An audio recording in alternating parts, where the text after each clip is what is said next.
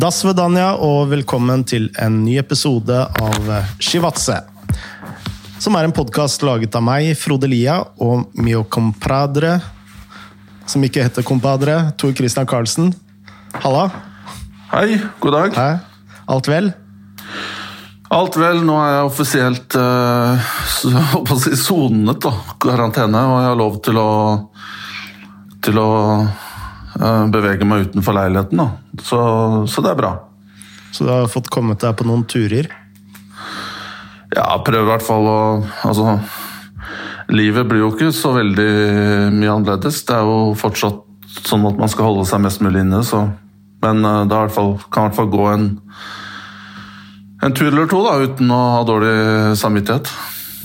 Du som har hjemmekontor eh, etter du ga deg i start, så er det kanskje ikke så stor, eh, stor eh, forskjell på hvordan du hadde det før og etter karantenen? Nei, men livet er jo litt før og etter koronavirus, da. Eller Det hadde jo vært hyggelig å gått ut og tatt en kopp kaffe og lunsj ute, gjort litt andre ting, men uh, vi må jo bare være lydige um, og, og disiplinerte og tålmodige. Og nå har det jo forresten kommet en ny sesong av Sunderland til å die. ble lagt ut i dag, så den må jo binges. Ja. Har du begynt å se på den, eller? Ja, jeg begynte så vidt før du, før du ringte meg, så det der blir bra. Det ser jeg allerede nå. Og vi vet jo, vi som følger med, vi vet jo hva enden på sesong, sesong to blir òg, da. Så det, det blir jo dramatikk. Ja. Jeg tipper vel at det er vel, det er vel, ikke lyttere som ikke har sett sesong én. Eh, men eh, hvis du ikke har gjort det så, og har vært på månen de siste årene, så er det jo bare å sette seg foran, eh, foran TV og, og binge hele Sunderland til I die. Altså Når du så sesong én, er det sånne visse episoder hvor du kjenner deg veldig igjen? Uh, I måten klubbledelsen og sportsdirektør og sånt uh, prøvde å komme un, uh, ut av den der nedadgående sirkelen Sunderland var i?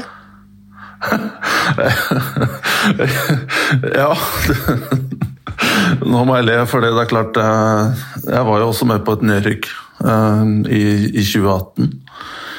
Så ja, det er, det er, jo mange av de tingene du, du, du, du kjenner deg igjen i. Og det illustrerer jo hvor vanskelig hvor vanskelig det er å snu motgang i fotball. og også alt det der med fighting talk. da, At du må hele tida ut og kommunisere til media, supportere, samarbeidspartnere, alt mulig, og prøve å overbevise om at dette her klarer vi. å Uh, og så Hvis du er kjent, litt kjent i fotball, så kan du på en måte også se på ansiktene at, uh, at, at de kanskje ikke er så overbeviste selv da, om det her. Det er ingen Men, som helt har troa på det? Nei, og det ser du i, i, i øynene på, på, folk. da. Så, men, det, men, det, er jo mange av de som sagt, de prosessene her som er som, er, eh, som jeg kjenner igjen fra fra dårlige tider i klubber. Hvor, hvor, mye resultater påvirker da hele klubben? Mm. Når eh, Får du en seier, så er, liksom, så er, det lettere å gå på jobb for absolutt alle. Ikke bare spilleren og treneren og ledelsen, men også for selv de som lager lunsjen og, og, og trykker opp billetter, da, eller selger billetter. Mm. og ikke minst supporter. Og slippe å lese negativitet hele tiden i media, for det, det, stopper jo med en gang du får en seier, ikke sant. Uh, da får du i hvert fall en, en uke fri. Så Nei, det er Jeg syns det er veldig realistisk, uh, den, den, serien der, og at du har gjort det på en veldig, veldig god måte. Du har sett sesong én, Frode? Jeg har sett sesong én, og eh, en av de tingene jeg tenkte på etter å ha sett den, eh, som er kanskje litt på sida, men jeg tror vi har snakka om det tidligere òg, det er eh, Jeg syns det er så rart at folk ikke satser mer på keepere. det, det var kanskje det første jeg tenkte på. At man ser alltid etter storskåreren, midtbaneankeret, liksom. Men for meg, så særlig med klubber som uh, sliter, så er liksom keep, Keeperen er en, eh, er en nøkkel der, da. Uh, så jeg bare syns det er rart at man ikke um, bruker mer penger i den posisjonen der. Og Jeg- også, jeg, jeg har også sett den uh, serien om Leeds. som er å finne på Amazon. Jeg vet ikke om du har sett den? jeg? Nei, jeg har ikke sett uh, den eller Man City eller Dortmund. Jeg har ikke sett noen av dem.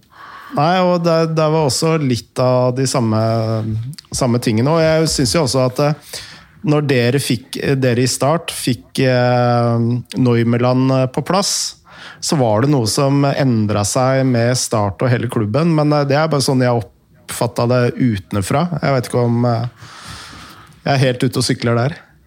Ja, no Neumeland var blanding av Doimeland og Noyer. Men ja. uh, Doimeland, ja. Uh, ja, jo. Han uh, det, Han kom jo inn etter tre-fire serierunder. Det var jo ikke nok holdt på å si, én mann til å redde plassen. Men, eh, men han, eh, han hadde jo ikke spilt fotball på i klubb på, på nesten to år, tror jeg. Så det er klart det tok jo litt tid for han å, å komme seg inn i det. Men debuterte vel på Lerkendal borte og ble, ble skutt litt på. Tapte jo 1-0 og spilte bra, så da skjønte jo med en gang at, eh, at han var en veldig god keeper. også. Men, eh, nei, men jeg er enig med deg, det, Frode, at det er klart i dag så er det liksom litt, kanskje litt mye fokus på, hvis du ser på keepere, at de er gode med beina og igangsetter og sånne ting, men det er faktisk et poeng at du skal klare å holde baller uh, utenfor nettet òg. Det er liksom Det er, det er uh, en mann som har lov til å ta i den ballen uh, med hendene, og det er keeperen. og det er liksom det handler ikke bare om igangsetting. altså. Det er greit hvis det er Bayern München og har 80% possession i hver kamp, men eh, Eller Barcelona, så klart Så får keeperen en mer Eller igangsetting og tekniske ferdigheter. Da. Med beina får jo større Får man jo større bruk for. Sorry. Men, eh, men eh, jeg har i hvert fall Kanskje jeg er den gamle skolen, da, men eh, i første rekke så ønsker jeg at en keeper skal kunne, kunne redde, redde mål. Og, og at forsvarsspillere skal kunne forsvare seg. Da. Og så kan man starte der. Og, så, og desto mer features man klarer å bygge på utover det, er det jo, er det jo bra. Men nå så jeg forresten eh, det jeg så fra Sunderland eh, til I Die før vi starta her, Frode, så så jeg også at det var en keeper på vei inn der nå, så det blir spennende å se da, om, han, om han lykkes. Eh, Jeg som har så mange barn, eh, jeg kan jo bare drømme om å, eh, å få se noen TV-serier eller eh, i det hele tatt ha telefonen min eh, eh, til å se TV-serier, så jeg må jo drive og lese bøker. Eh, Og en bok jeg er akkurat ferdig med nå, det er boka til eh, Michael Cox, eh, som heter The Mixer. Som handler om eh, altså den taktiske utviklingen eh, fra Premier League start eh, frem til i dag. Da. Og det begynner eh, med første sesong hvor eh, Peter Schmeichel og litt senere da Erik Cantona kommer inn i klubben. Og eh, det Michael Cox eh, skriver om, det er at eh, de to signeringene, altså Peter Schmeichel og eh, eh, eh, Erik Cantona, er liksom det er de viktigste signeringene Manchester United gjorde for å starte på den der seiersrekken eh, eh, Altså den suksessfulle perioden under Ferguson. Da. Så det syns jeg var veldig spennende å lese. Ja, Peter, Peter Michael Peter Michael er vel undervurdert. Jeg ser jo veldig sjelden han komme med i sånn topp Ja, topp 25, topp eh, 50, eller ja, topp 50 er han vel med, men eh, han eh, Folk glemmer hvor enorm han var, mm. syns jeg. Veldig lett. Men eh, ja, fantastisk keeper. Eh, og personlighet, da. Mm. Tør Tørre å Ja, han tør å ut altså, ek, ek, ek, ja, Han tør å på en måte mm, stå for ting da, og kjefte litt på forsvarerne. og Er en tøffing, liksom. Det, jeg tror det er, har mye å si å ha en, ha en sånn type bak der. Har du intervjua han, sa du? Ja, jeg intervjua han uh, før uh, EM i 2012, tror jeg det var. Uh, ja, det var vel da. Uh, og en av de tingene han uh, fortalte, var jo at altså han var jo også håndballkeeper. Mm. Han tok jo veldig mange sånne håndballspesifikke keeperteknikker inn i fotballen. Da. Blant annet den derre stjerna, da. Ja. Uh, og, og, han, og det, å, altså det, han lærte som håndballkeeper, det var også å stå så lenge som mulig. og la la altså, angrepsspilleren gjøre det første trekket. Mm. Uh, og det ser du veldig på keepere i dag, da, at uh, Digea f.eks. Han står veldig lenge. Uh, og, så han redder faktisk veldig mange baller bare ved å stå og bruke beina og en del sånne teknikker som Peter Schmeichel var veldig tidlig ute med.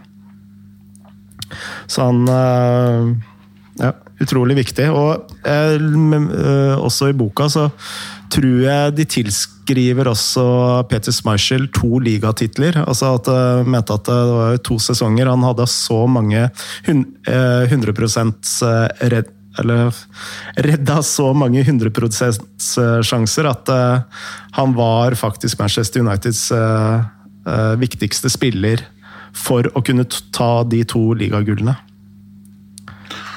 Så, ja.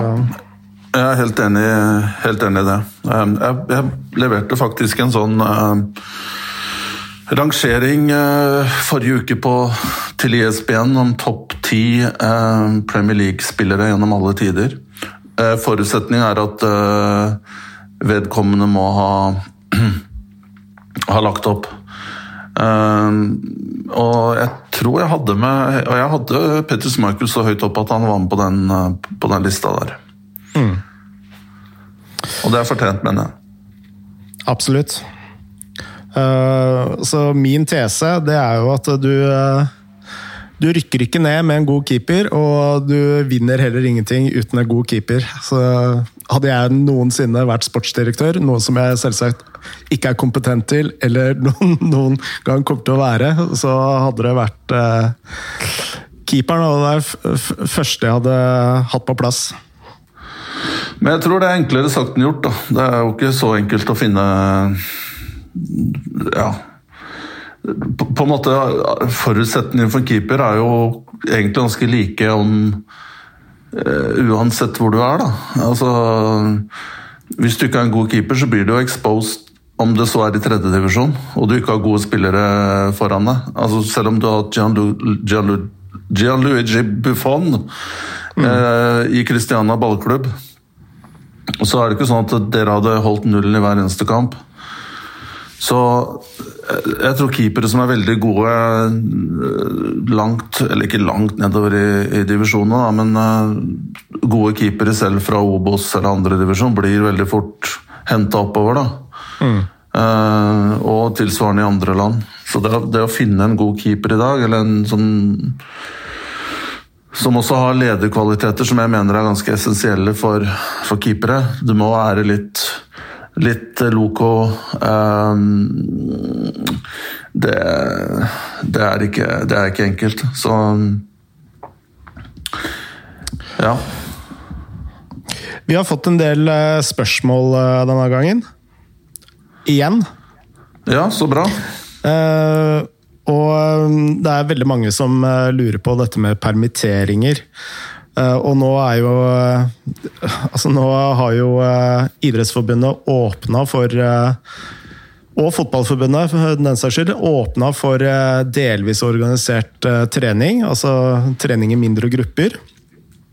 Og da lurer Nordlink86, som er Christian Thusen, hvorfor inntektsgrunnlaget nå plutselig har endra seg på noen få dager? Uh, ja, det har, jo, det har, jo, ikke det. Uh, men akkurat den situasjonen her rundt permitteringer, det er jo uh, bra at vi, at vi tar det igjen. For det, vi, hadde, vi snakka ganske mye om det forrige uke òg. Mm. Eh, men det er jo veldig mange forskjellige eh, strategier her, da.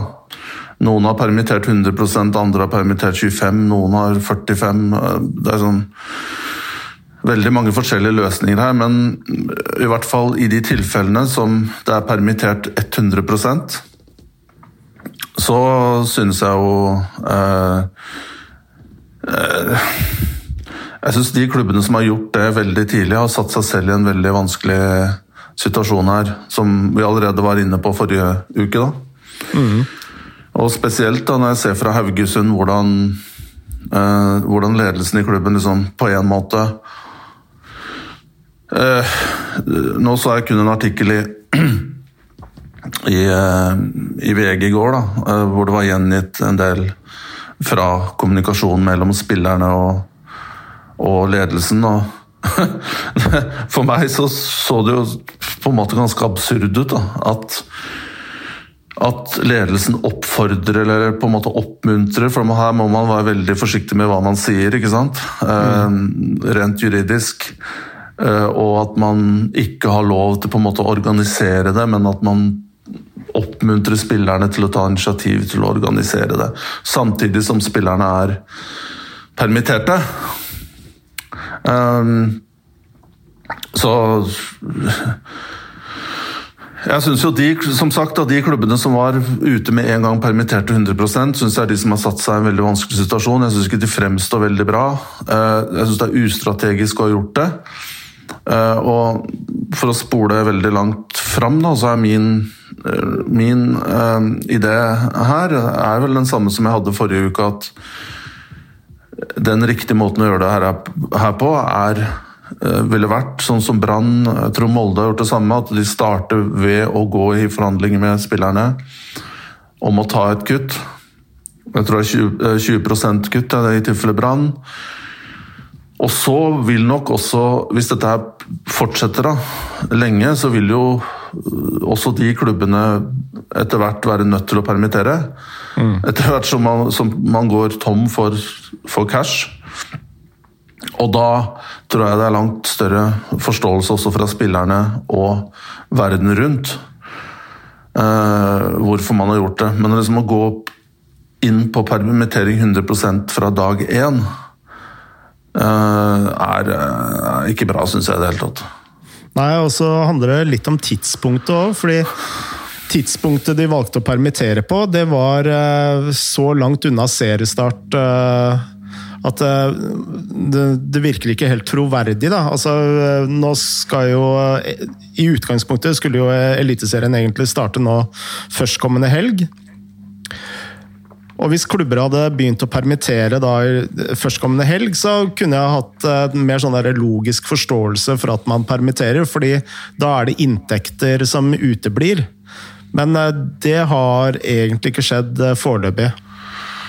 Nei, men samtidig så er det jo opplagt at økonomien i klubbene er så dårlig at Og spesielt i, på vinteren, hvor siste kamp for de fleste var i starten av, av november, så har man gått fem måneder nesten. da.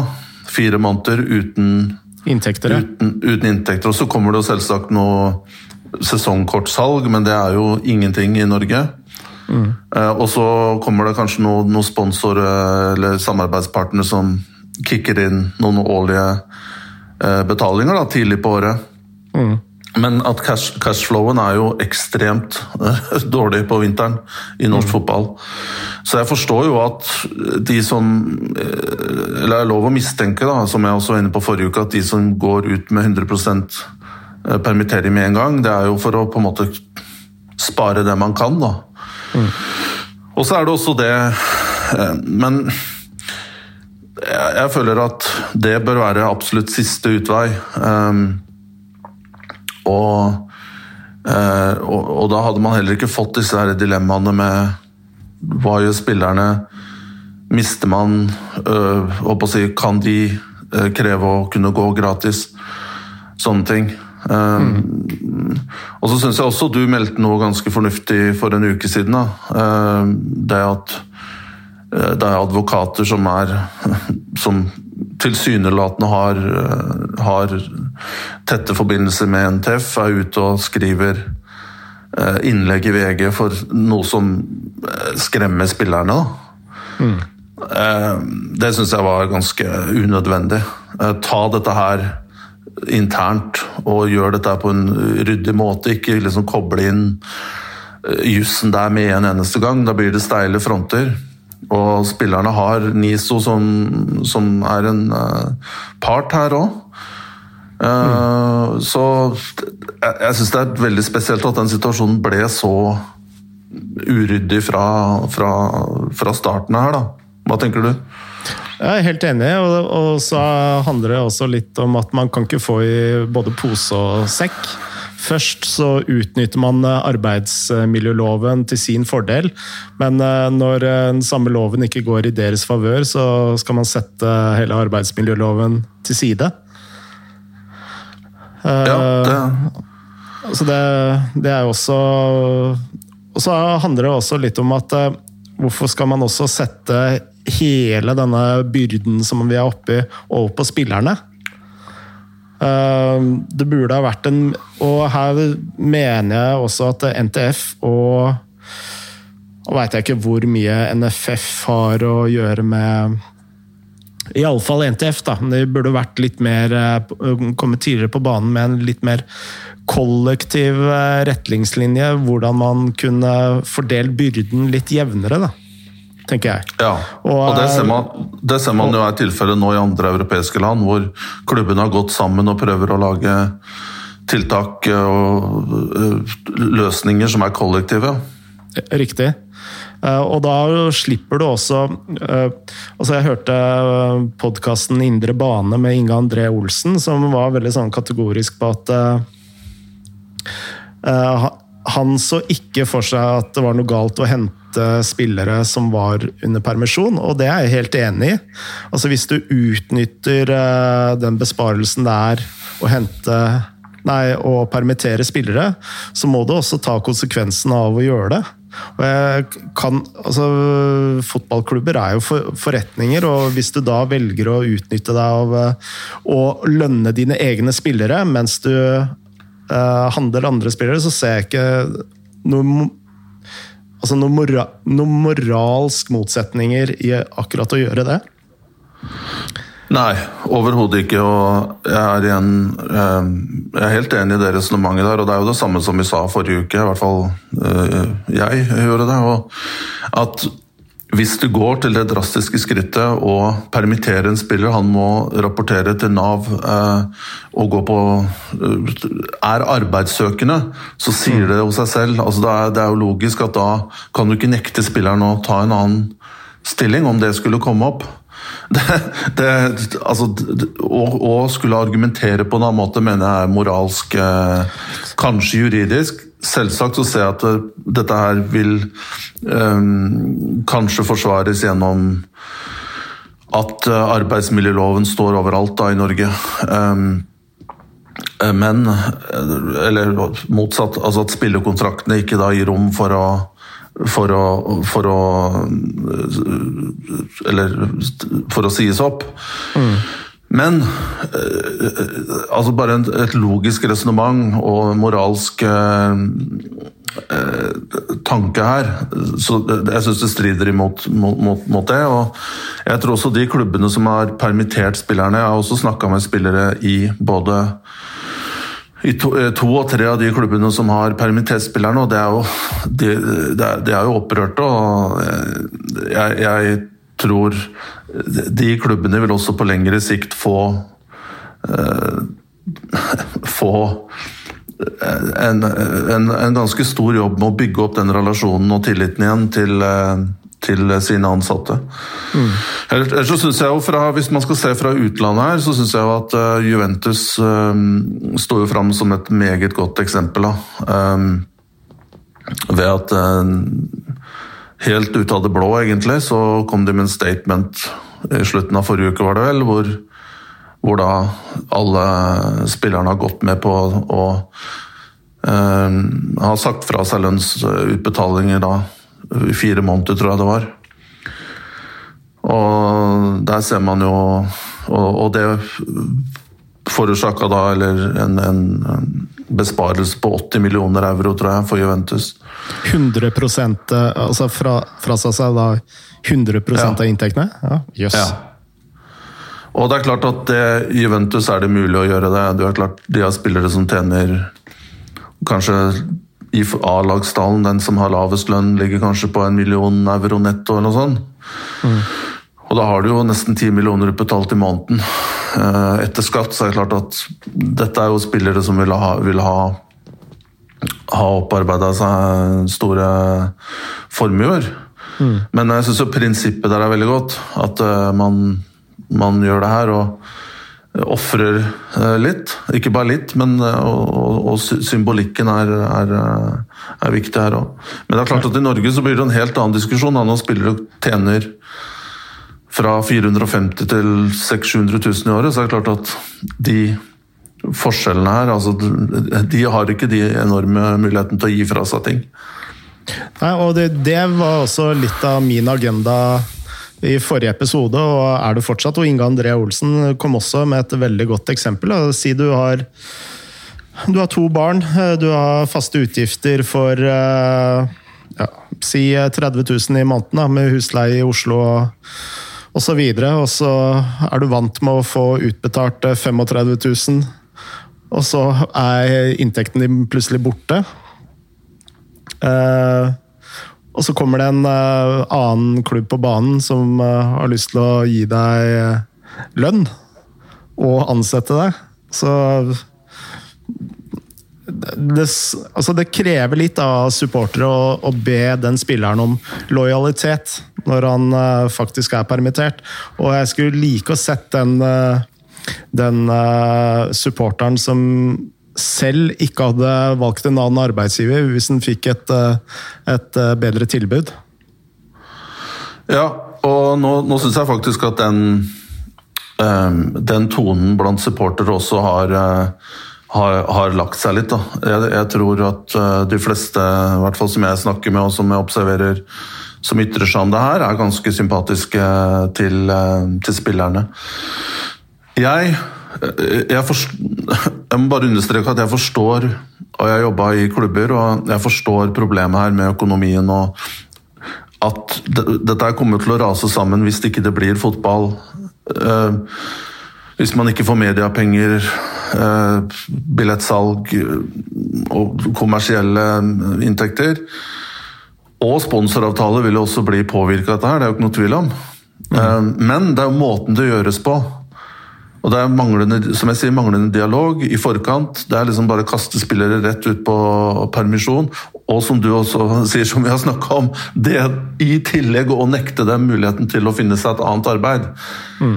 Det, som, som, sagt, gjør dette her Det finnes måter å gjøre det på. Det, og du ser nå i land etter land at, at de klubbene som har gått i dialog med spillerne, forhandla fram et kutt som første eh, som første measure. De har også fått mest ro. Ehm, det er et ganske utrolig tilfelle som jeg må nevne. Jeg følger jo israelsk fotball fortsatt ganske godt. Mm. Og en av de klubbene, min tidligere klubb Makabi Haifa, har kommet relativt godt ut av det. Og de har jo da øh, gjort det på den måten, litt som Brann og Molde her i, i Norge, at de har forhandla fram da et første Eh, kutt eh, med spillerne. Men det er klubber da som også har sendt Som har på en måte kasta spillerne under bussen og sendt dem til, til Nav. Det mest ekstreme eksempelet som har skjedd i Israel, stor dramatikk. Klubben Hapoel Bersheva, Mm som er en av kanskje ikke de største klubbene, men eh, den, de ble jo mesterne i, mestere i 2016, 17 og 18. Um, kom jo I 2016 så kom det vel også langt i Europaligaen, slo vel ut bl.a. Southampton. Og de kom vel til kvartfinalen, tror jeg. Uh, og de har jo hatt en uh, eier, en kvinne, som heter Alona Barkat, som har på en måte bygd opp klubben uh, over ti år. Og dette har jo vært en enorm tapsbedrift, selvsagt. Du tjener jo ikke noe spesielt penger i, Israel, i hvert fall ikke på å drive fotballklubb. men men ja, altså Israel kan du tjene penger på mange andre ting, var litt klønete sagt. Men men uh, hun har jo da vært uh, på en måte subsidiert driften der i mange år. Forrige uke så ville hun at spilleren i Bersheva uh, Eller det har vært forhandlinger da, som tilspissa seg forrige uke, om å ta 30% kutt i rest, ut resten av sesongen. Spillerne gikk ikke med på det. Eh, og det endte da med at Alona Barkat nå har rett og slett trukket seg ut av klubben. Og uh, satt den i administrasjon. Og hun har sagt at jeg betaler, kan betale regningene til sommeren, ut inneværende sesong, men etter det så er jeg ute av klubben. Og det har vært gjentatte forsøk da, uh, fra spillerne til å til å få henne tilbake, og det har jo gått nå retrospektivt med på de kravene som, som hun la fram, men nå er det, nå er det dødt. Så Hapoel Besheva blir jo Altså, går vel Hvis ingen kommer inn, står da i fare for å gå ut av, ut av business. Ja. Ja, det er eh, Da Altså, da skal du eh, Da brekker du armer. Ja, eh, men eh, hun ble jo så rett og slett pissed off av mangel på solidaritet og eh, forståelse fra spillerne, og opplevde dem som veldig egoistiske da, og, og, og, og til slutt bare ga opp. Ja, Men jeg, jeg, tror nok også det kommer til å komme flere, flere lignende tilfeller, hvis dette her drar seg ut lengre, fordi det, det, det det er jo uholdbart at fotballklubber kan um, beholde drift når inntektsgrunnlaget er borte. Det sier jo seg selv. Fotball lever av at kamper spilles, og når det ikke er der lenger, så vil jo så vil jo klubber gå, gå konkurs. og jeg ser jo Det er jo også flere klubber i Øst-Europa annet, som har blitt ganske ganske ribba. Jeg tror Silina var, av, var et annet offer nå, som har gått konkurs. Jeg er jo mange ganger mester i Slovenia. Slovakia. Mm. Sorry, jeg har vært der og sett på spillere flere ganger. Veldig fint stadion, bl.a. nord i Slovakia, på grensa til Polen. Som da ikke kan uh, lønne spillerne lenger og må, må legge ned. Da er vi litt over i et annet spørsmål vi har fått, fra Åge Borchgrevink. Og han lurer på eh, hvordan kan NFF, NTF og NISO handle for å unngå et svarteperspill om penger mellom klubbene og mellom klubber og spillere, der norsk fotball blir taperen? Nå, ja, vet ikke, vet ikke om nå, du vil uh... Ja, altså Nå har jeg jo ikke jeg full oversikt over hva NFF og NTF og NISO har snakket eh, om eller, eller gjort. Men uh, det som vi snakka om tidligere, om, uh, noen om ikke kollektive avtaler Iallfall noen kollektive retningslinjer, da særlig mellom NTF og NISO. Det ville jeg jo trodd hadde vært eh, fordelaktig i den perioden vi hadde gått til. For nå er det jo veldig sånn at tiltakene spriker veldig fra klubb til klubb. Altså Alle klubbene sliter, men noen permitterer, noen permitterer ikke. Noen sykemelder, og eh, noen uh, sender spillerne sine på ferie. Så her tror jeg at NTF og NISO burde slått seg sammen, og særlig da NTF tatt litt mer styringen sånn sentralt og kommet med noen klare retningslinjer. Fordi Problemet også, hvis det er to-tre klubber som eh, er veldig tidlig ute med å permittere sine spillere, så skaper det en eh, veldig sånn frustrasjon hos de spillerne som også faktisk blir permittert. Og en frustrasjon hos eh, de klubbene som ikke velger å permittere.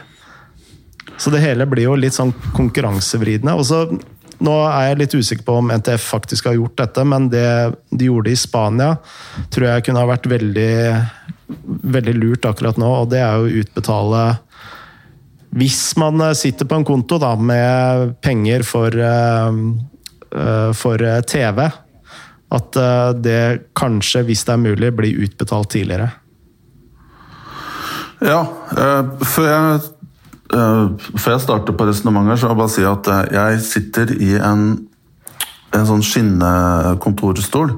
Skinnstol. Så hvis det Og jeg, noen ganger så flytter jeg meg, så hvis det kommer noen skremmende lyder, uh, så er det grunnen. Bare sånn at det er oppklart. det andre jeg bare nevne Åge Borchgrevink.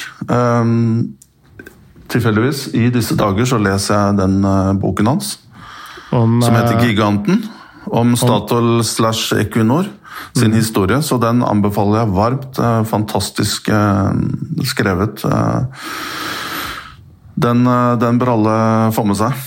Nei, Vi går jo for så vidt rundt i, rundt i sirkel her, og vi har jo snakka om, om, det tidligere. og at Jeg er jo enig med deg at NTF burde jo tatt kontrollen på vegne av klubbene i den grad det er mulig. og og vært partneren som da snakker med NISO og, og forsøkt å, å, megle og finne en løsning som gjør at, um, at dette her ikke blir en ja, en, en tung sak uh, som hjemsøker norsk fotball også etter at, uh, etter at krisen er over. Mm. Men uh, kan vi hoppe over til et nytt tema? Ja, la oss gjøre det. Ja. Eh, la oss eh, snakke om noe litt koseligere. Jeg føler vi er litt sånn ferdigsnakka på eh, permitteringer og korona akkurat nå. Yep. og vi har fått et spørsmål fra Eivind Torstensen, som har faktisk kommet med dette spørsmålet tidligere òg. Og han lurer fælt på hvor mye penger må det spyttes inn i en norsk klubb for å gjøre den til Nordens beste fotballklubb? Oi. Eh, det blir jo vanskelig å unngå å snakke om eh, Eller koble inn viruset her òg, da. For det blir liksom oss Hva er Hvor står vi om seks måneder? Postapokalypsen. Riktig. Vil klubber ligge i ruiner? Eh, hva vil det føre til med lønnsnivå? Er det altså, I Norge så er, det ikke så, så er det ikke så mange knepp igjen sørover man kan gå i Eliteserien. Mm. Da ender vi opp med da ender vi opp med semiprofesjonell fotball, som for så vidt allerede er litt i, i, i Eliteserien. Jeg tipper eh, F.eks. Ranheim, at de har hatt spillere som også har hatt eh, Eller har spillere som har hatt sivile jobber da, mens de har holdt på med fotball. Og det er sikkert tilfelle også i kanskje i Mjøndalen. Og eh, hvis det fortsetter på den måten som, eh, som er tilfellet nå, så kan det jo fort ende opp med at flere klubber må, må hjelpe spillerne å finne oppdrag eh, utenom.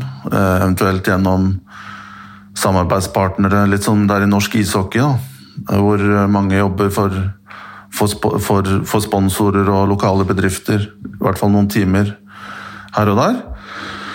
Ehm, men hvis vi forholder oss til den eh, realiteten som var for eh, noen måneder siden, før, før dette her oppsto, eh, så er det klart, ja, Nordens, For å bli Nordens beste, så Det handler vel ikke bare om penger, da.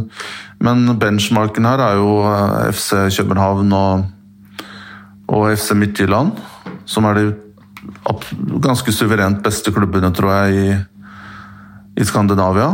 Det er jo mm. Skandinavia som er interessant her. Norden, Island og Finland er det jo ikke noe penger i fotballen. Men eh, hvis vi da sammenligner de to klubbene, eh, så opererer de nesten på tysk eh, Bundesliga-nivå. De har økonomier som er ligner eh, klubber i, i første Bundesliga, altså nederste halvdel der. Um, Hva snakker vi om? Eh, nei, vi snakker om Jeg er usikker på akkurat størrelsen på budsjettene, men eh, Men eh, bare for å Bare for å illustrere og sette litt lys på, på, på summen her, så ser du at både FC Midtjylland og, og København de kjøper jo spillere for 30-40 millioner danske kroner, som er 50, ja, hva er det, 60-70 millioner norske nå. Mm. Um, de, og de kjøper jo spillere fra store europeiske ligaer. De kjøper spillere som altså heller kapteinen til uh, FC Midtjylland uh, kommer vel fra portugiser, Seca, Han kommer vel fra en gresk Eller på noe Panathinaikos. Og har jo landskamper for Portugal, hvis det ikke eller, Nei, han har landskamp for Hellas. Han har naturalisert seg greker, men er opprinnelig portugiser. Og jeg tipper jo han hadde tilbud fra andre ganske store land, men kom til Danmark. Så jeg vil jo tippe at han har lønn, lønn som er bortimot 10 millioner norske kroner i året. Det vil overraske meg, meg om han har lavere lønn enn det. Og at han også har kunstnerskatt i tillegg, så han vil jo sitte igjen med ganske fin sum også. Så jeg vil jo tro at spillerne f.eks. i Midtjylland og uh, eh, FC København Nå tjener jo ikke liksom, Medianspillerne tjener jo ikke de summene der, men jeg kan tippe at en vanlig lønn i, i de to klubbene, pluss Brønnby og flere av de danske, uh, vil ligge på fra ja, At mange ligger i hvert fall rundt to millioner danske kroner, da uh, i året. Mm. Som er 2,67 norske. Og det er veldig, veldig veldig få i Norge, om noen som tjener det i det hele tatt. Og da Så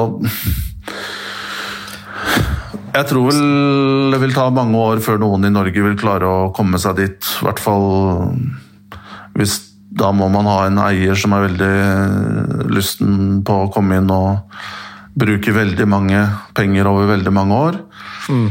Og så handler det heller ikke om, om bare penger, da. Det er jo Det handler også om kultur. Det tror jeg er like så viktig. I hvert fall. Det, det får deg veldig langt. Bygge vinnerkultur og bygge smarte interne prosesser og um, bruke teknologi og nye, nye, nye uh, metoder Investere i gode trenere, dyktige mennesker i alle ledd. Eh, også nedover da, i, i systemet, i utviklingsavdeling og sånne ting. Jeg tror det er den veien vi må gå i Norge. Det, selv, om, selv om du skulle fått 500 millioner og brukt det over ti år eller fem år, så tror jeg det er ganske vanskelig allikevel å komme seg opp på nivå med de beste danske. Mm. Uh, vi har fått et annet spørsmål fra Alex Knutsen, som uh, uh, Altså en veldig fin overgang. han lurer på, utenom de vanlige landene som produserer fremtidens fotballstjerner, altså Belgia, Nederland, Brasil osv., er det for tiden noen nasjoner som går litt under radaren, men som leverer store talenter til klubber i Europa. Kan du si at Norge er et av de landene nå for tiden? Spør Alex Knutsen. Hmm. Jeg vil i hvert fall si at eh, det er betydelig interesse i utlandet for det man holder på med her i Norge. Og at det blir lagt merke til at det kommer, at det kommer nye spillere hele tiden som ender opp ut, uh, utenfor landets grenser. Så det er vel ikke akkurat under radaren, da. Det, jeg ser jo til og med i europeiske media, fotballblader, f.eks. av Gazzetto dello Sport, som jeg leser eh, daglig, så ser jeg også at de har hatt eh, eh, de har hatt artikler om Norge og hvordan man jobber og hvorfor. Og hvor kommer Haaland, hvor kommer Ødegaard, hvor, hvor, kommer denne bølgen av spillere? Det er jo flere også som har reist til Italia nå i senere mm. Men um, ja, så i Norge jobber man bra. Island fortsetter man å jobbe bra. Eh, de eksporterer jo, fortsetter å eksportere gode spillere. De har jo kommet dit at de nesten hopper over Norge. da. Før så var jo Norge en sånn her mellomstasjon, og så kom man seg videre. Men de går nå rett til store klubber i, i på på kontinentet. Det var veldig stort ettertrakta talent som gikk til Nor Norrköping. Mm. Nå i, i vinter. han hadde vel tilbud fra tre-fire av de største klubbene i Europa. Jeg husker ikke helt navnet hans. og så ble vel også en spiller nå solgt fra fra en islandsk klubb, eller var Breidablikk, til Ajax for ca. 7 millioner kroner. Pluss eh, jeg tror nesten det dobbelte i bonuser, da, hvis han, hvis han skaffer seg kamper og så videre på førstelaget. Mm.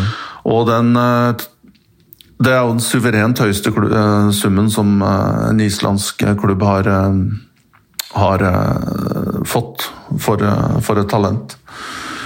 Um, ja. Ellers er det jo det egentlig en del sånne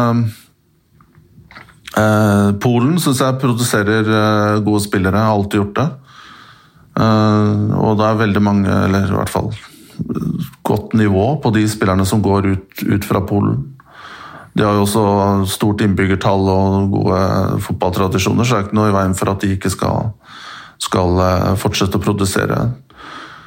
Og så er det noen land som har ligget litt sånn Som alltid har vært litt spennende, men aldri liksom, siste året ikke har klart å få opp den produksjonen som de hadde. F.eks.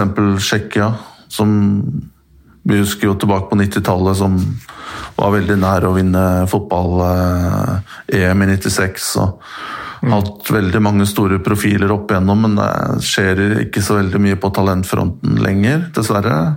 Og Samme med de, de, landene litt lenger sør på Balkan, Romania Bulgaria, er det få spillere som kommer igjennom. Men så er det jo som evighetsmaskine da, på gamle Jugoslavia, Kroatia, Serbia og, og til viss grad Bosnia. der kommer det jo, de, de, holder jo på som de alltid har gjort, der kommer det alltid spillere. Mm. Er det fortsatt uh, Dinamo Zagreb som er liksom lokomotivet der, eller? Ja, det er de store klubbene. Dynamo Zagreb og Haiduk Split. Um, og, um, og, da selvsagt de, de to store i, i, i, Beograd i tillegg. Altså Det var jo en periode hvor, hvor det var en uh, liten sånn Chile-bølge, men den ser nesten ut til å ha avtatt. Uh, Uh, lite grann. Altså, jeg mente jeg leste et intervju med Ralf Ragnhild som mente at Chile var så veldig spennende fordi de hadde veldig sånn utypiske akademispillere. Altså, du hadde, fra Chile så kom det gjerne spillere som var veldig gode én mot én, mens de spillerne som særlig da gikk gjennom akademien i Tyskland, var mer sånn PlayStation-spillere, hvis jeg kan bruke et sånt eh, begrep. Ja. Um Chile er også et land som har hevda seg veldig bra på aldersbestemte nivåer. Eh, og det er helt riktig at eh, sånn kanskje i begynnelsen av forrige forrige årtid, eh, sånn rundt 2010-2011 Jeg var jo der en del Jeg også så, så kamper i Chile og, og aldersbestemte landslagsmesterskap. Uh, og mm, jeg syns chilenske spillere er jo veldig sånn Hvis man skal generalisere, da, er veldig sånn energiske spillere. Gode i presspill og gode i in, liksom, intensitet i spillet. Da. Så hvis du sammenligner med de andre søramerikanske landene, så har de liksom litt mer stressa spillestil. I mangel på bedre ord. Ja. Enn en det man har i de andre landene. Uh, spesielt Eh, litt lenger nord der. Eh, hvor det er mye gå-fotball. Desto lenger nærmere du kommer ekvator, logisk nok. Mm. Men, eh, men chilenske spillere har jeg alltid hatt sansen for. Det er kanskje ikke tilfeldig at den der spillestilen til Bielsa og Sa Paoli har lykkes, lyktes spesielt godt der. Da, for de har akkurat de egenskapene som skal til for å, for å dyrke den, det presspillet og intensiteten som de ønsker. Mm. Og så har vi jo evighetsmaskiner i Uruguay og Argentina, da, som uh, alltid kommer med gode spillere. Ja, litt, kanskje litt uh, Bitte litt skuffa over Argentina. har kanskje ikke fått fram de store talentene nå de siste årene. Jeg jobber jo forresten også med en liste på de 30 størst, beste spilleren i verden under uh, eh, 21 år og yngre. Den blir publisert om uh, noen uker. Så jeg, driver, jeg, holder på med en del research uh, rundt den. Mm. Og da ser man jo at ja, Uruguay så er det fortsatt noen som, som, som, eller, som, begynner å klatre. Argentina syns jeg er litt, bitte litt skuffende. Um, men et land der jeg veldig Jeg liker veldig godt spilletypene. Du har få gjennom liksom, veldig eh, forskjellige typer spillere. Det er jo Colombia, hvor de har jeg vet ikke hvor mange innbyggere, det er vel 40-50 millioner i Colombia. Kanskje det var litt mye, men eh, noe rundt der. Mm.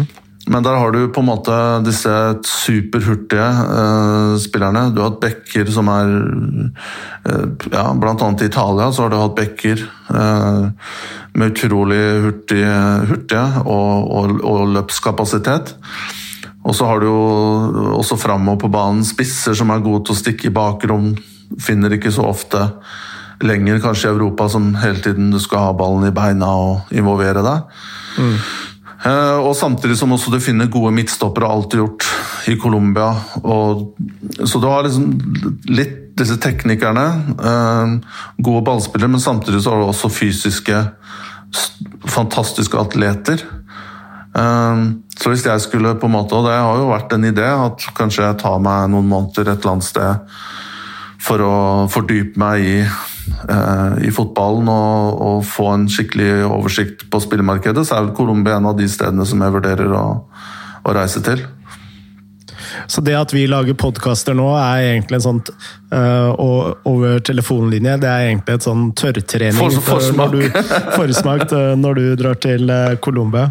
Men du har jo snakka om Colombia i veldig mange år, at det har vært et spennende land. Men jeg mener også å huske at du nevnte at det, det var veldig altså, Det var et veldig delt land med tanke på uh, sånn geografisk, da, hvor du finner ulike kvaliteter i spillerne. At det var visse steder hvor det var mer fysiske spillere, og andre steder hvor det fantes mer sånn tekniske spillere. Stemmer det, eller husker jeg uh, helt feil? Ja, det er riktig. Og det, det handler jo Det blir litt som Brasil, da. At du Det avhenger vel litt av hvordan de, si, hvor de forskjellige etnisitetene, om det er riktige ord, men hvor de menneskegruppene bosatte seg. F.eks. i Brasil, hvor du har italienerne og tyskerne som kom i sør, ikke sant? og så har du mer eksotiske eh, innslag, afrikanere oppover Bahia og Rio. Mm. Og det er litt det samme i, i, i Colombia, hvor du har liksom langs, eh, langs kysten så er det veldig som afrikansk eh, svarte spillere, da. Som, som kommer fra Barranquilla, f.eks. Det er vel mange gode spillere som har kommet, bl.a. Aspria, som kommer derfra. Og så er det vel litt lenger nord i landet, Medellin, hvor du har mer europeiske typer. Mm. Uh, og det gjør det jo vanvittig spennende, syns jeg. Uh, og så er det et annet poeng da, at i Colombia så kommer spillere litt som i Brasil, at du kan komme fra intet. Uh, så i løpet av to-tre måneder så kan du ha liksom reist gjennom divisjonssystemene og kommet deg ut.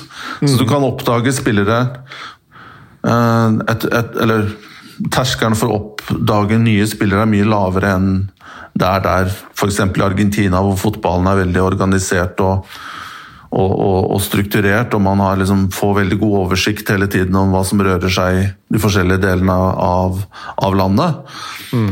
Eh, men i Colombia så er det fortsatt ganske kaotisk, da. og det jo, gjør det jo veldig spennende hvis du skal hvis du skal se på spillere. Helt klart. Kan jeg bare spørre om en ting? Eh, nå er jo sånne leverandører sånn som eh, Instat og Wisecout, de er jo i veldig mange land. Og, der, og der eh, disse leverandørene er, så er det jo også selvsagt Der er jo spillerne mer scouta også, på en eller annen måte. Men hvis du ser et land som Nigeria, f.eks. Der har ikke Wisecout uh, tilgang, f.eks. Er det det samme med Colombia, og er det en av årsakene til at man fortsatt kan gjøre litt sånne gode, gode funn da, i et land som Colombia? Uh, nei, de har ganske god dekning i, i Colombia òg. De fleste kampene, selv i andredivisjonen, er jo, mm. jo TV-overført. Mm. Så både fra Chile, Ecuador og Peru, som er på en måte Eller Colombia, da, i tillegg, kan du se fotball eh, I hvert fall um, til og med andredivisjon. Ehm, men det som, er, igjen da, det som er spennende med Colombia og Brasil, det er jo at det er to på en måte uh, fotballscenes. Det er uh, det offisielle uh, ja. fotballen, som er en del av pyramiden med Fotballforbundet og liga og sånne ting. Og så har du jo på en måte et skyggesystem, spesielt i Brasil, der det er akademier og private klubber som kobler seg av og på noen ganger. Noen ganger er de med disse statligaene, noen ganger er de ikke. Um, og som bare eksklusivt holder på med talentutvikling. Litt som i Afrika også holder de jo på på den måten der. Men den delen av fotballen, altså det skyggefotballen, som er ekstremt stor i Brasil mm. uh, I mange tilfeller så er det jo nesten der du finner uh, liksom noe, noe av største, noen av de største talentene kan du fortsatt finne der. Mm. Og da må, litt... være, da må, du være, der, Frode. Da må du være på marka og ute og se kamper hele tiden. For, for eksempel en Tasa, Tasa Sao Paulo. Copa de Sao Paulo tror jeg det bytta navn nå, men det er jo en sånn turnering som mange av disse skyggelagene er med på. Mm. Og det er jo de beste, eh, eller absolutt hvem som helst tror jeg kan melde seg på den turneringa. Det er under 20 lag. Den går i slutten av, starter i slutten av januar.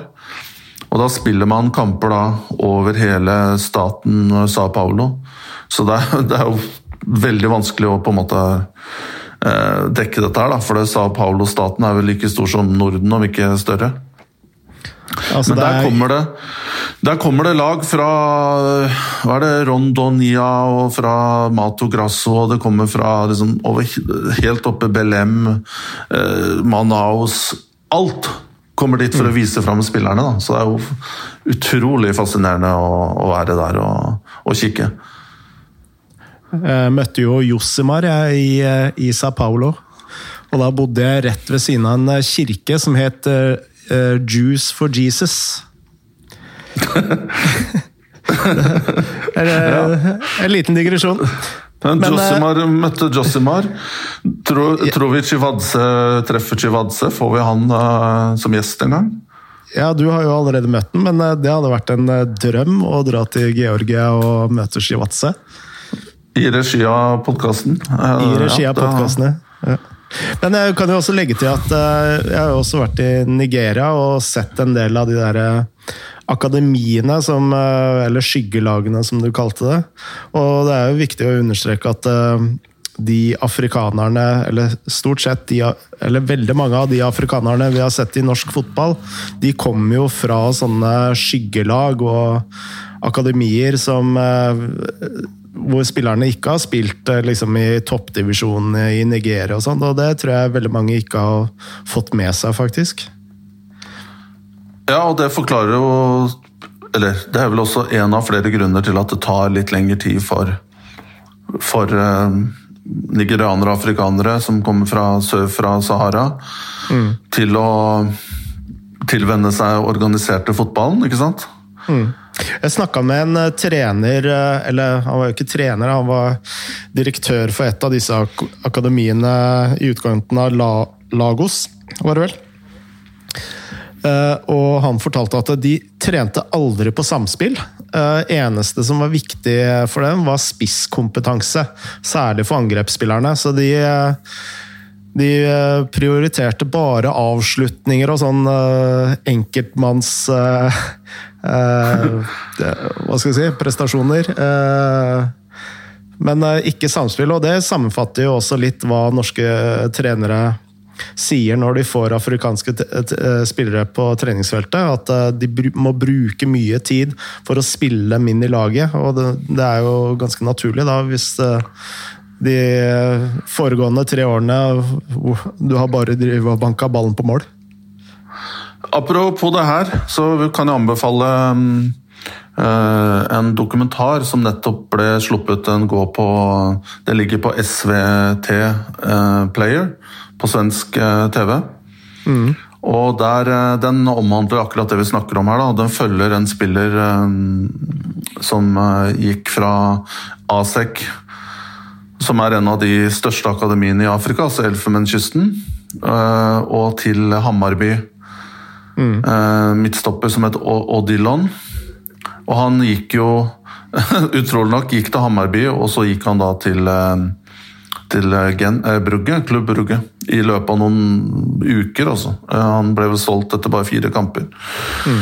Og den Der får man et godt innblikk i, i hele næringskjeden. Da, fra en spiller blir, blir scouta til han signerer første kontrakten, til han flyr til Sverige, og hvordan han følges opp der. Og, og, og se hvordan agentene jobber, klubbene, eh, og, og, hvordan også det jobbes da i, i, i Afrika.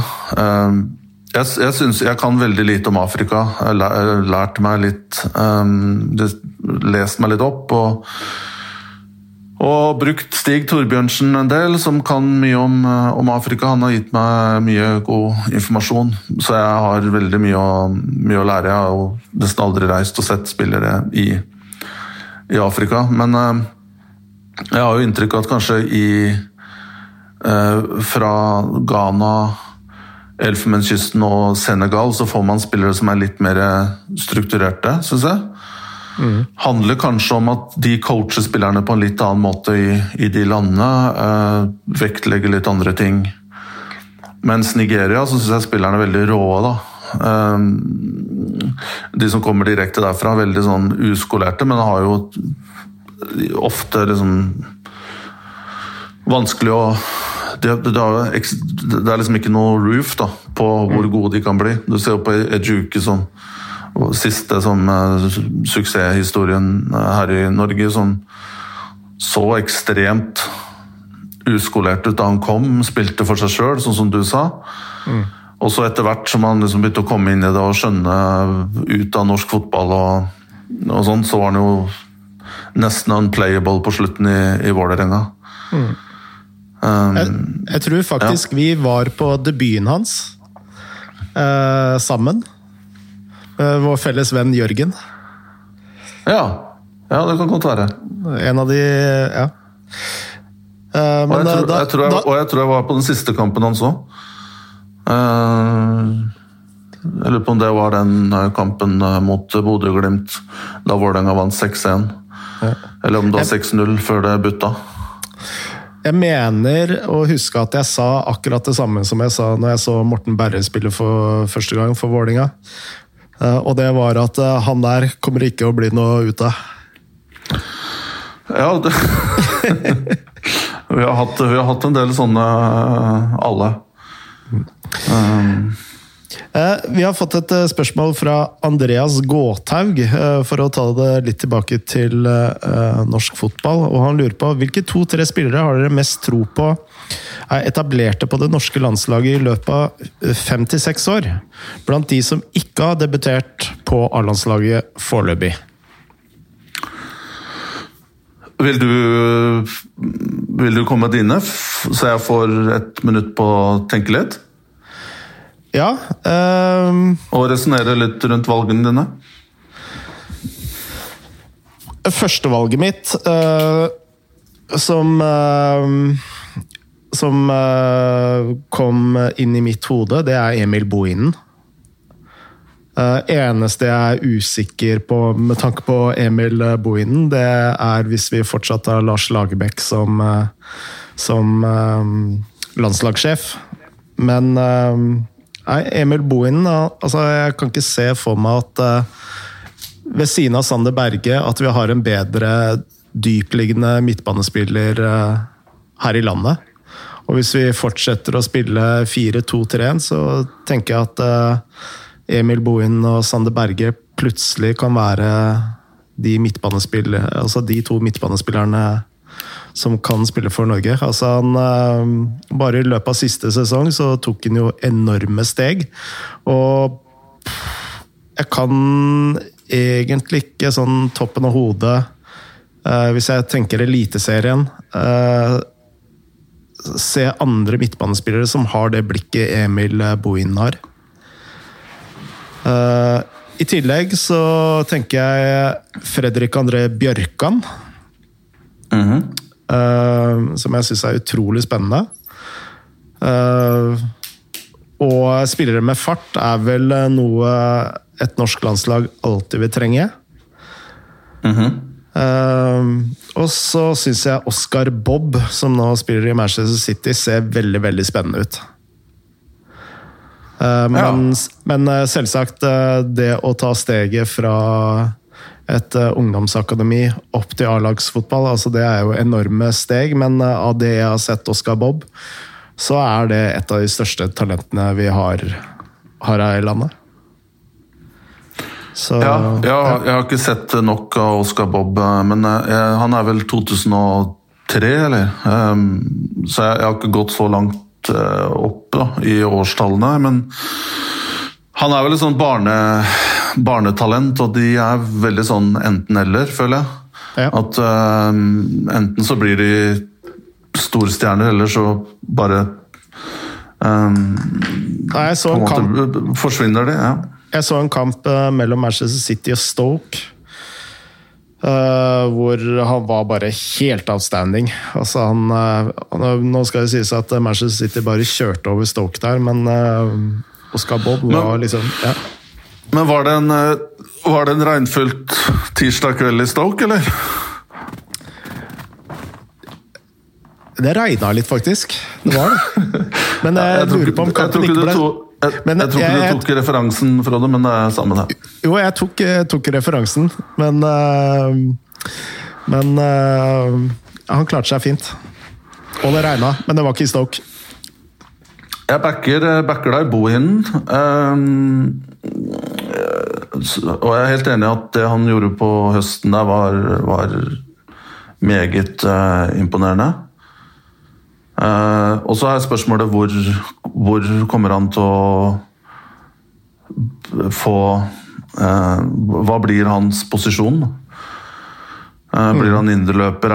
Blir han anker på U21-landslaget? Så Paco, nei ikke Paco, men Leif Gunnar jo, roterer jo mye og prøver, prøver, ut eh, mange forskjellige varianter. Og, og han blir jo brukt i Under eh, ja, Jeg så den siste U21-kampen, og da, da, spilte han vel Fikk prøve seg i tre-fire roller. og var, var så langt eh, nede dypt noen ganger at det så ut som han spilte stopper. Men dette får Leif Gunnar kanskje komme og forklare en gang på podkasten, hvis, hvis, han vil være med. Så jeg backer deg, backer deg på Bohin. Um, Bjørkan er en av tre som jeg syns er veldig spennende på, på Bodø og Glimt. Uh, eller to, da, igjen. Jeg liker Jens Petter Hauge. Hadde ikke så veldig god sesong i fjor, men eh, han syns jeg har mye, eh, mye bra ved seg. Eh,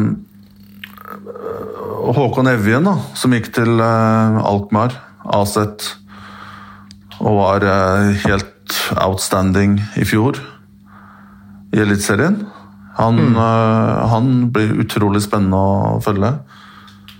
Men den som jeg syns står nærmest, uh, det er vel Morten Thorsby, som ikke har fått uh, sin debut engang på A-landslaget. Og har vel nå 12-15 kamper i Serie A, vært fast på i Eres Divisia, spilt der i tre-fire år før han gikk til Sampdoria. og jeg syns han er en meget, meget god fotballspiller. Han har, igjen, han blir bare bedre og bedre, syns jeg. Og litt hemma kanskje av at han blir brukt i forskjellige roller. Han og litt høyere bekk i Sampdoria.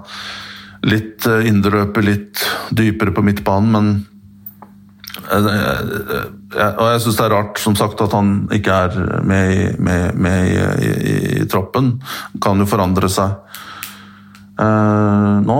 Men eh, jeg har det En jeg også liker veldig godt, som er litt sånn old school spillertype, er jo Ola Brynildsen i Stabæk. Mm, han liker jeg også veldig godt.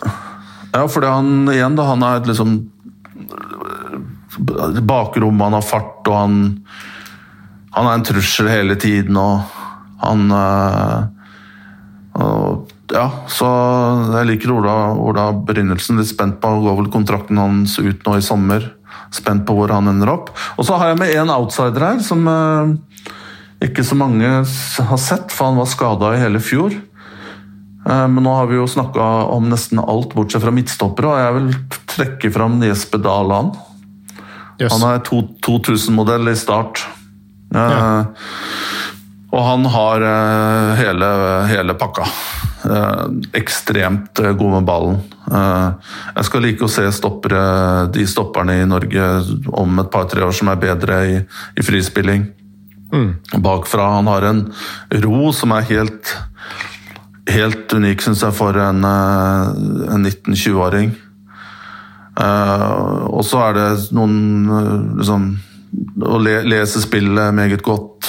Samtidig så er han vel en Han er i hvert fall like høy som meg, han var 1,95, tror jeg.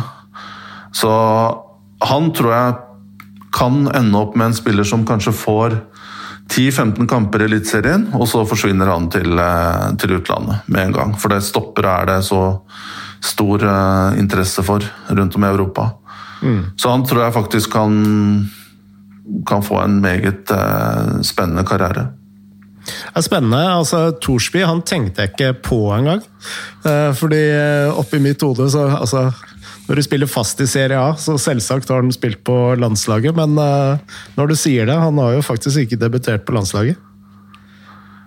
Ja, og mm, egentlig så er det jo et privilegium at vi har kommet inn i en tid nå i Norge at, hvor det er liksom Hva skal jeg si? At det er en slags progresjon er, Nå er det 96, 97, 98 spillere som banker på døra til, eh, til A-landslaget og som er med i en diskusjon om burde han være med eller ikke. Mm. Sånn har det jo ikke vært på mange år. Og så har vi ikke engang vært inne og snakka om uh, mange av disse som var med i, i U20-VM. Uh, eh, F.eks. Og så har du også liksom generasjoner under der hvor det vokser bra. Så som jeg har vært inne på tidligere, jeg syns det gror meget bra og, i, i, norsk fotball for tiden. Mm. Christian Thorstvedt er jeg spent på. Heller ikke debutert på A-landslaget. Uh, spennende å se hvor lenge han blir ute med skade. Men uh, Christian Thorstvedt også en veldig spesiell uh, historie. Altså, han blir, uh, om ikke kasta ut, altså, har ikke noe tillit mens han spiller i Stabæk. pappa Erik lurer på om han kan trene litt med, med, Viking, og i løpet av tre-fire dager så ender han opp med kontrakt og blir en av it-spillerne, hvis vi kan bruke et sånt uttrykk, i Eliteserien i fjor. Ja, han hadde vel ett år i Obos først, tror jeg. Ja, med Vikinga.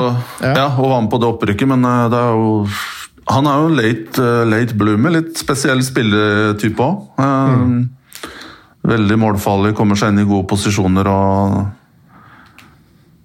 Så det ser veldig godt ut, og jeg merker at det ser veldig positivt ut. Jeg merker når vi har den samtalen her, hvor Hvor mye jeg savner uh, Eliteserien og norsk fotball. Å få sett kamper og, og få, få, aktiviteten i gang igjen. Mm. Nei, jeg gleder meg. Og du kjøpte jo deg en virtuell billett til Grorud i går, så jeg? Jeg kjøpte to. For det, de to siste kampene jeg har vært og sett Grorud, så har jeg lurt meg inn. Ja, ikke, når du sammen, bare... ikke når du var sammen med meg, for da kjøpte jeg faktisk billett til deg. Har du fått eh, penger, har jeg vippsa deg penger for det? Skulle kanskje vippsa deg i stedet for eh, Grorud? Ja, men du, du har kjøpt så mye øl eh, til meg opp igjennom at oh. eh, den, den bød jeg på. Ja, det var vel uh, Grorud, Fredrikstad, var det ikke det? Riktig. Og for ikke å nevne der, de eh, fantastiske rødvinene du uh, har kjøpt til meg, og særlig den vinen som du mente um, din eh, gamle Ranieri Eller ikke din gamle Ranieri, men eh, din gamle kompanjong, holdt jeg på å si. Ranieri pleide å drikke før kamp. Ikke før kamp. Det er, ikke, det er ikke riktig fremstilling. Det Etter var vel, kamp, eh, nei, det var vel sånn at man tok et glass vin eh, kvelden før. At man hadde okay. en flaske til Som sto på bordet til, til der ja, trenerne og og, og støtteapparat satt. Og da var det gjerne at man tok ett glass øh, øh, kvelden før, da. Så Ja, det var vel eh, druen øh, Alianico, tror jeg. Som er en sånn undervurdert, ganske eh, Ganske god struktur på til å være en eh, vin fra Sør- Sør-Italia. og litt sånn undervurdert eh, sort som glemmes eh, eh, Glemmes eh, Kommer i skyggen av disse disse norditalienske gigantiske eh, vinene der, da.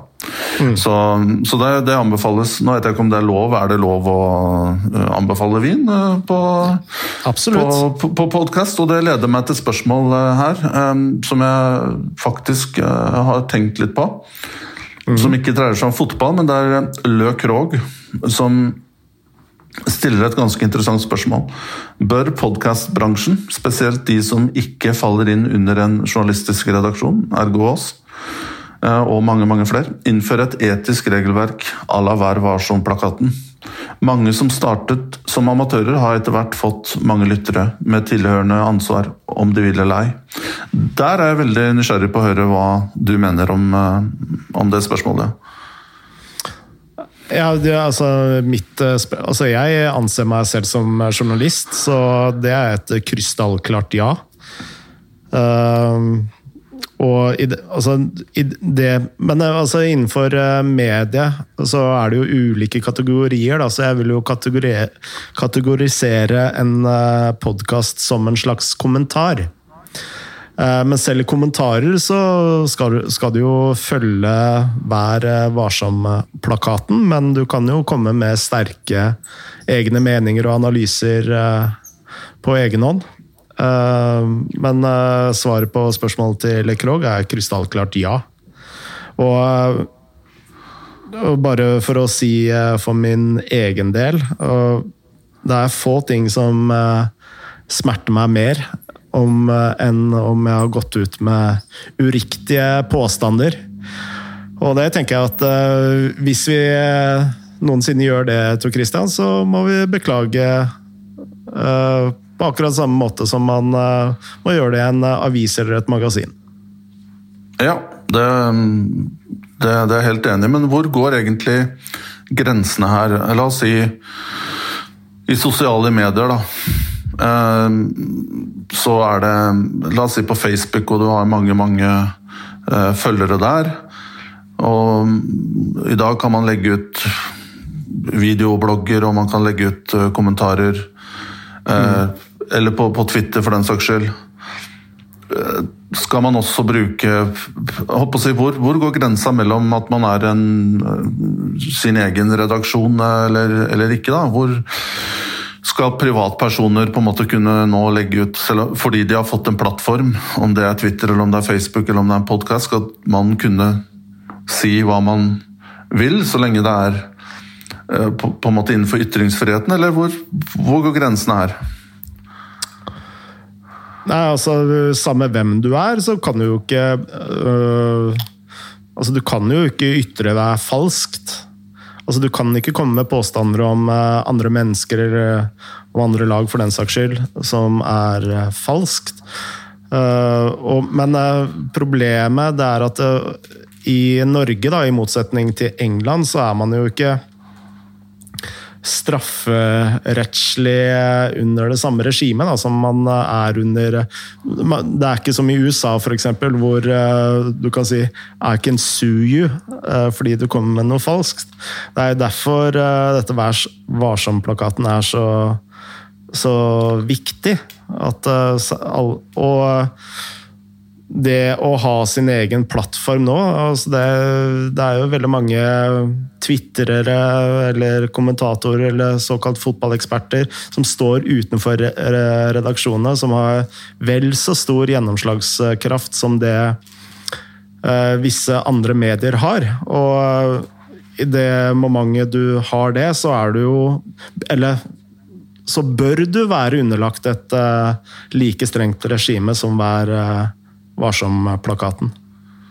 Kanskje litt på kanten, eh, Frode, men hvordan stiller det seg da når kanskje verdens mektigste mann, eh, Donald Trump, er det kanskje eh, noe av det mest notoriske løgneren som eksisterer nå i, i det offentlige liv? Ja. Og han Altså det virker for meg Dette her hører kanskje hjemme i andre podcaster, og jeg er ikke så opptatt av at på en måte, Det ligger ikke noen politiske agendaer nødvendigvis bak det jeg sier, men jeg observerer jo at Trump kan si en ting en dag, og så kan han si at ja, men jeg sa ikke det eh, neste dag. Selv om han da skulle spille, eh, spille dette her foran han. Eh, og og I USA så snakker man jo om post-truth uh, world. da, hvor um, liksom, løy, Om du snakker sant eller om du lyver, det spiller ikke så stor uh, rolle lenger. Fordi hvis du sier noe nytt dagen etter, så er det det folk lytter til. og um, er, det, er det den realiteten vi også lever i her i Norge nå? Ja, jeg vil ikke trekke det så langt, men uh men selvsagt så er det jo veldig mange som ytrer seg eh, totalt falskt for å få noen ekstra likes eller retweets eller eh, hva det nå måtte være. Men eh, her ser du jo at både Twitter og Facebook kommer på banen. altså Senest for et par dager siden så begynte jo Twitter å, å slette tweets fra Bolsonaros sønner først, og så senere Bolsonaro, fordi han uh, ut uttalte seg falskt om koronaviruset. Så, så nå ser man jo at uh, altså de store sosiale medieaktørene begynner å ta grep rundt dette her. Uh, om da på et uh, høyere nivå, så på et eller annet tidspunkt så må det jo tvinge seg fram noen retningslinjer som blir mer strengere håndheva. Da. Men altså, dette er jo en balansegang mellom ytringsfrihet og, eh, og eh, det å videreformidle sannferdig innhold. For det som er faren med sosiale medier til slutt, hvis det bare er fritt fram, det er jo at ingenting Altså, man tror ikke på, på noen ting lenger. Og da har man kommet veldig Da er man på farlige veier, da, tror jeg. Så og Det er derfor det er så viktig med en sånn internjustis. Og da særlig på sosiale medier. Altså Se den lille sfæren vi holder på med. da. Uh, og hvis jeg kan gå tilbake til uh, forrige sesong, hvor jeg sa at uh, fem spillere i Haugesund var permittert. Og nå husker jeg ikke ordlyden i akkurat hva jeg sa, men veldig mange opp, oppfatta det som at jeg sa at fem spillere var var uh, permittert fordi de hadde en slags videresalgsverdi som man turte ikke å mens, uh, Og da er jo folk på meg med en gang og sier at nei, det var faktisk bare Men ja, vi, altså, vi kan le av det, fordi det kan oppfattes som en liten ting. Men det, men det er jo veldig viktig at folk påpeker ting som ikke er sannferdig, også i en podkast. Absolutt. Eh, og da ble jeg irettesatt at det var faktisk bare to som ble permittert fordi de hadde en verdi. Resterende tre var eh, permittert fordi de ville stå uten inntekt fordi de ikke hadde opparbeida seg rettigheter hos Nav. Og da tenker jeg Det er en sånn god måte å bruke sosiale medier på, hvor man faktisk kan bli Og nå fikk jeg også anledningen til å rette opp det som kanskje kom feil ut. Og det er jo derfor jeg også sier at en podkast må også sammenlignes mer med en kommentar, fordi problemet her er jo ikke de der veldig svart-hvitt Svart-hvitt-påstandene som enten er falsk eller true or false, for å bruke engelske ord. Men det er jo alt dette som er i grå, gråsonen, som egentlig er synspunkter, hvor man bruker fakta som til å ytre en synspunkt, da, og der kan jo folk ha ulike uh, synspunkt på hva som er riktig fakta òg. Eh, og uh, det er jo der det er viktig å ha stort spillerom, og da er man også Da kan man ikke være redd for en debatt i etter, etterkant da, på sosiale medier. Men men de, veldig ofte så blir det aldri en debatt eller en ordentlig diskusjon i etterkant uh, av uh, sånne diskusjoner, fordi uh, man for altfor ofte går i, til personangrep. Det er i hvert fall min, min erfaring. Altså, man går veldig fort ned i den skytter, skyttergravsretorikken, og man er liksom så jeg etterlyser også at man har litt sånne større litt større tålmodighet med hverandre og, og, og faktisk eh, tro at man eh, mener det vel, da. Hvis eh, det gir mening. Det gir absolutt mening, og takk for en, eh, en god redegjørelse.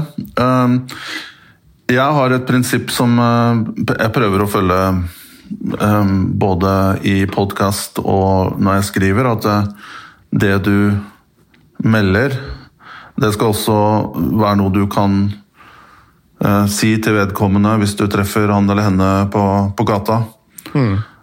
Og samme på sosiale medier også. Og det, det, det, har i hvert fall fungert ganske, ganske greit for meg. Uh, jeg lurer på om vi skal, skal vi avslutte med et fotballspørsmål før vi mister alle mister alle her pga. Med, mediesnakk. Men jeg har, har, et meget godt spørsmål som jeg syns fortjener å og, og bli tatt der. Eh, det er Thomas O som spør eh, om hvilke nye trender i fotballen hva gjelder taktikk og klubbstruktur vil man se de neste ti årene.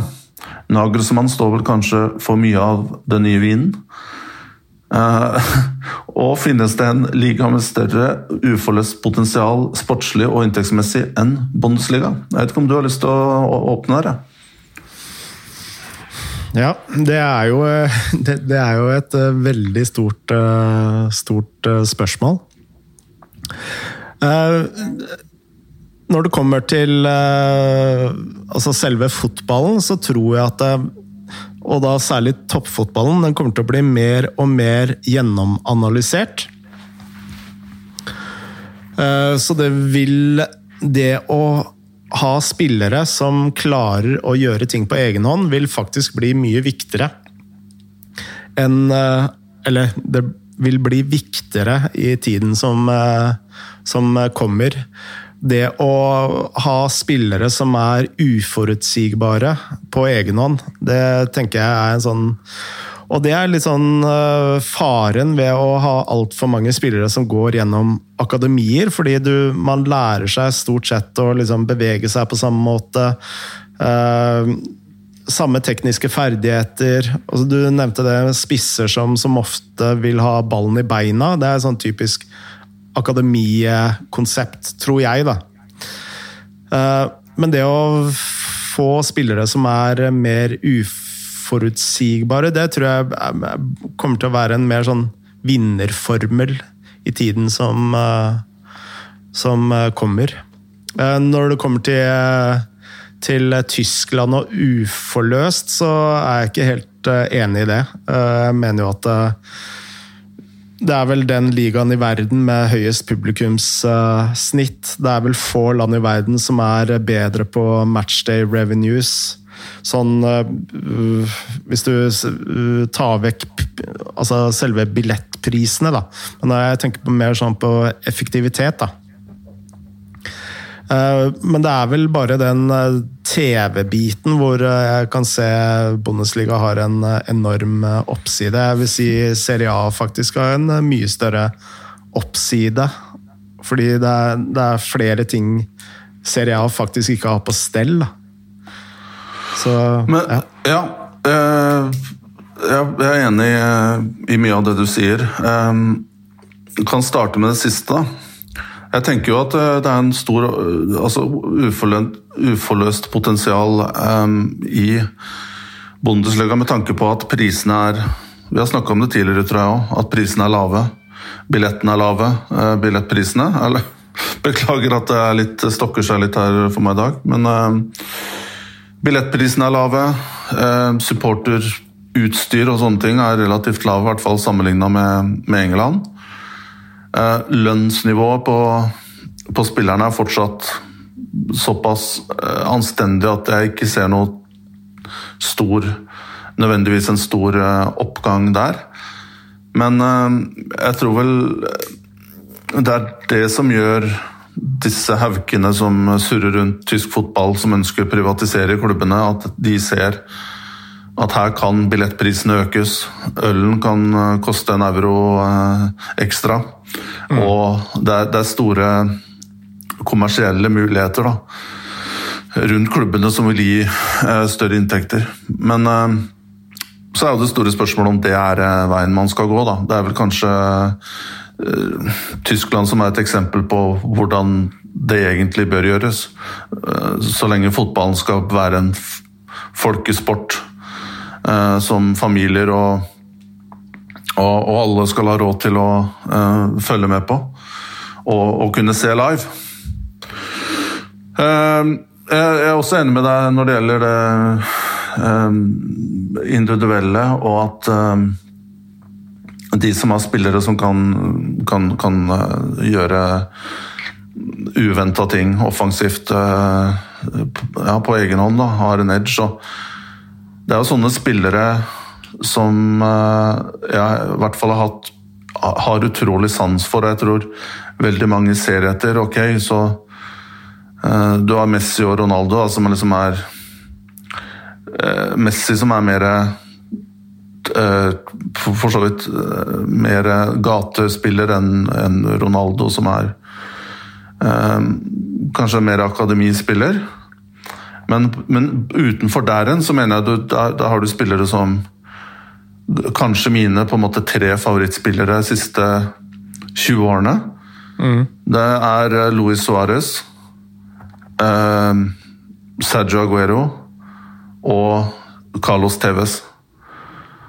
Og det, Jeg tror ikke det er tilfeldig at de kommer fra rundt Rio de la Plata Eh, regionen. Eh, Suárez er fra nord i, nord i Uruguay, rett på grensa til eh, Argentina, tror jeg, så han kunne jo like godt vært argentiner. Men det derre instinktive som, som, de bringer med seg på banen, mm. og det har tatt, tatt, med seg fra gata, det mener jeg er helt uvurderlig. Og jeg snakka med, med Roberto Mancini for en del år siden om, om Aguero. Uh, og det var vel mer eller mindre han sa at uh, han, uh, han, Det var vel han som henta han til Manchester City òg. Og det var akkurat de der kvalitetene der, uforutsigbarheten og det med å løse ting hele tida praktisk ut på banen mm. utenom Om man skal gå til høyre eller om man skal gå til venstre. Aguero er jo en av de spillerne som på en måte, en av de få spillerne som du ser noen ganger liksom, han, han, er jo markant dårligere med venstrebenet uh, enn høyre, men allikevel så går han i én mot én situasjon så går han på utsiden på venstre side av stopperen og klarer å parkere en mm. jeg, husker, jeg tror det var et mål eller en sjanse han skårte mot Tottenham hvor han da utfordra Michael Dawson noe så sykt på sin svakere fot. Da. Og da, når han går ut på venstre, så får han jo ikke på en måte den naturlige driven i, i um, på de første meterne, men allikevel så er han så eksplosiv at han, han klarer å utfordre på den siden. Da.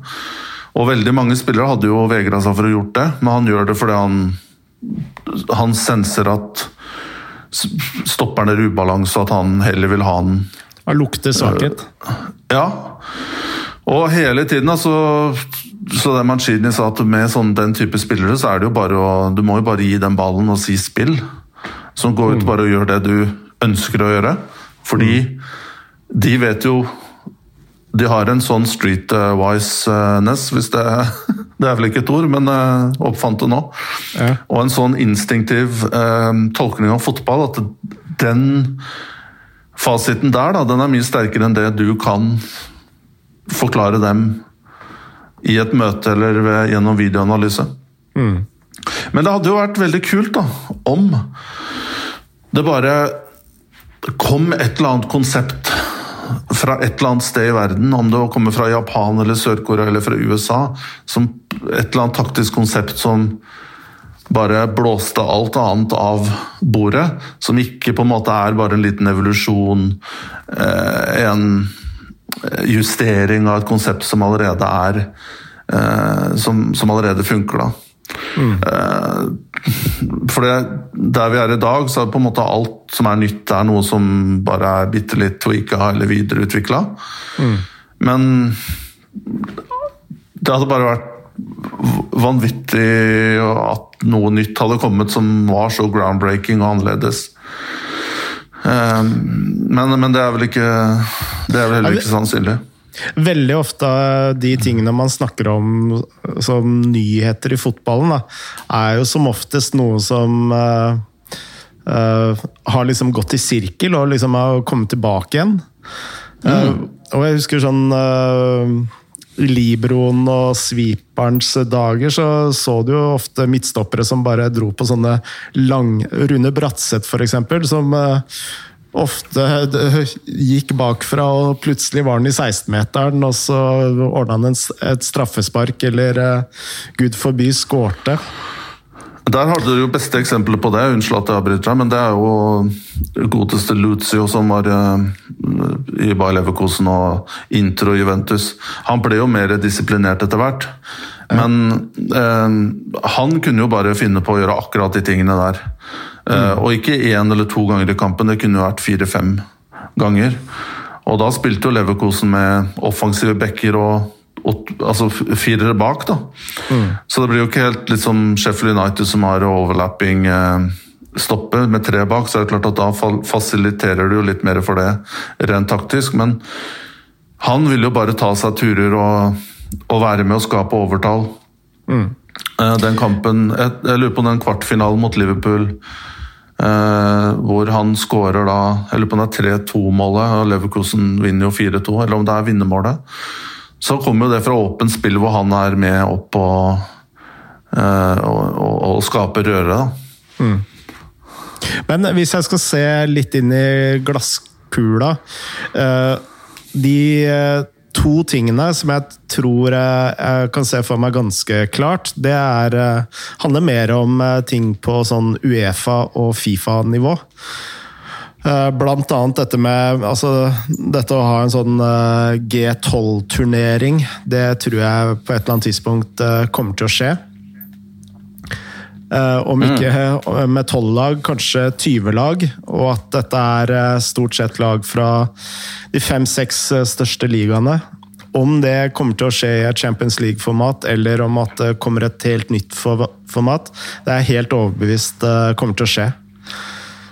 Eh, Ja. i, ti I tillegg så er jeg ganske sikker på at det kommer til å komme enda flere landslagskonsepter, og at eh, om det ikke er eh, EM-VM, så tror jeg den uh, syklusen kommer også til å øke. For nå ser du at uh, Fifa også er interessert i å liksom prøve å maksimere inntektene sine da, fra landslagsturneringene. Så det er de to tingene jeg ser klarest for meg i fremtidens fotball. Da. Ja, dessverre så, så er jeg enig med deg i det. Og jeg tror kanskje også den fasen vi er inne i nå, eh, kan være det som bidrar til at man ender opp med en europeisk superliga. Um, og det er jo klart at det har jo vært sterke krefter som har jobba for det i mange år. Um, og det er jo også opplagt at Manchester United og Liverpool de Um, eller Manchester City, det har jo mm, mye mer attraktivt for dem å spille kamper hele tiden mot uh, tilsvarende store lag fra andre, andre uh, klubber, andre land, enn å spille mot Burnley og Bournemouth og um, Eller Sheffield United, da, for den saks skyld. Uh, men det er klart Det vil jo være en et, et, enormt kontroversielt steg, men det, det, virker jo sånn at dette her blir tvunget fram eh, litt etter litt. Og så er jeg veldig spent på om dette her blir spekulasjon, da, og kan godt hende jeg er på helt feil track her. Men eh, la oss si at de skulle få eh, orden på virussituasjonen tidligere i, i det fjerne Østen. Uh, og det ser det jo nesten ut som at Japan og Korea, at de Sør-Korea, ikke Nord, men Sør-Korea, at de har fått uh, i hvert fall en veldig god uh, Ja, at de har fått litt kontroll på det. Og da er jeg veldig spent på om man ender opp med at Europa, som har helt andre typer samfunn, mindre compliant innbyggere jeg tror det er naturlig at vi vil bruke lengre tid på det. Mm. Og, da, og, da, er spørsmålet om man kommer til å se at f.eks. Premier League-lag eller de største klubbene fra andre europeiske lag, land, at de ender opp med å spille i, i det fjerne Østen.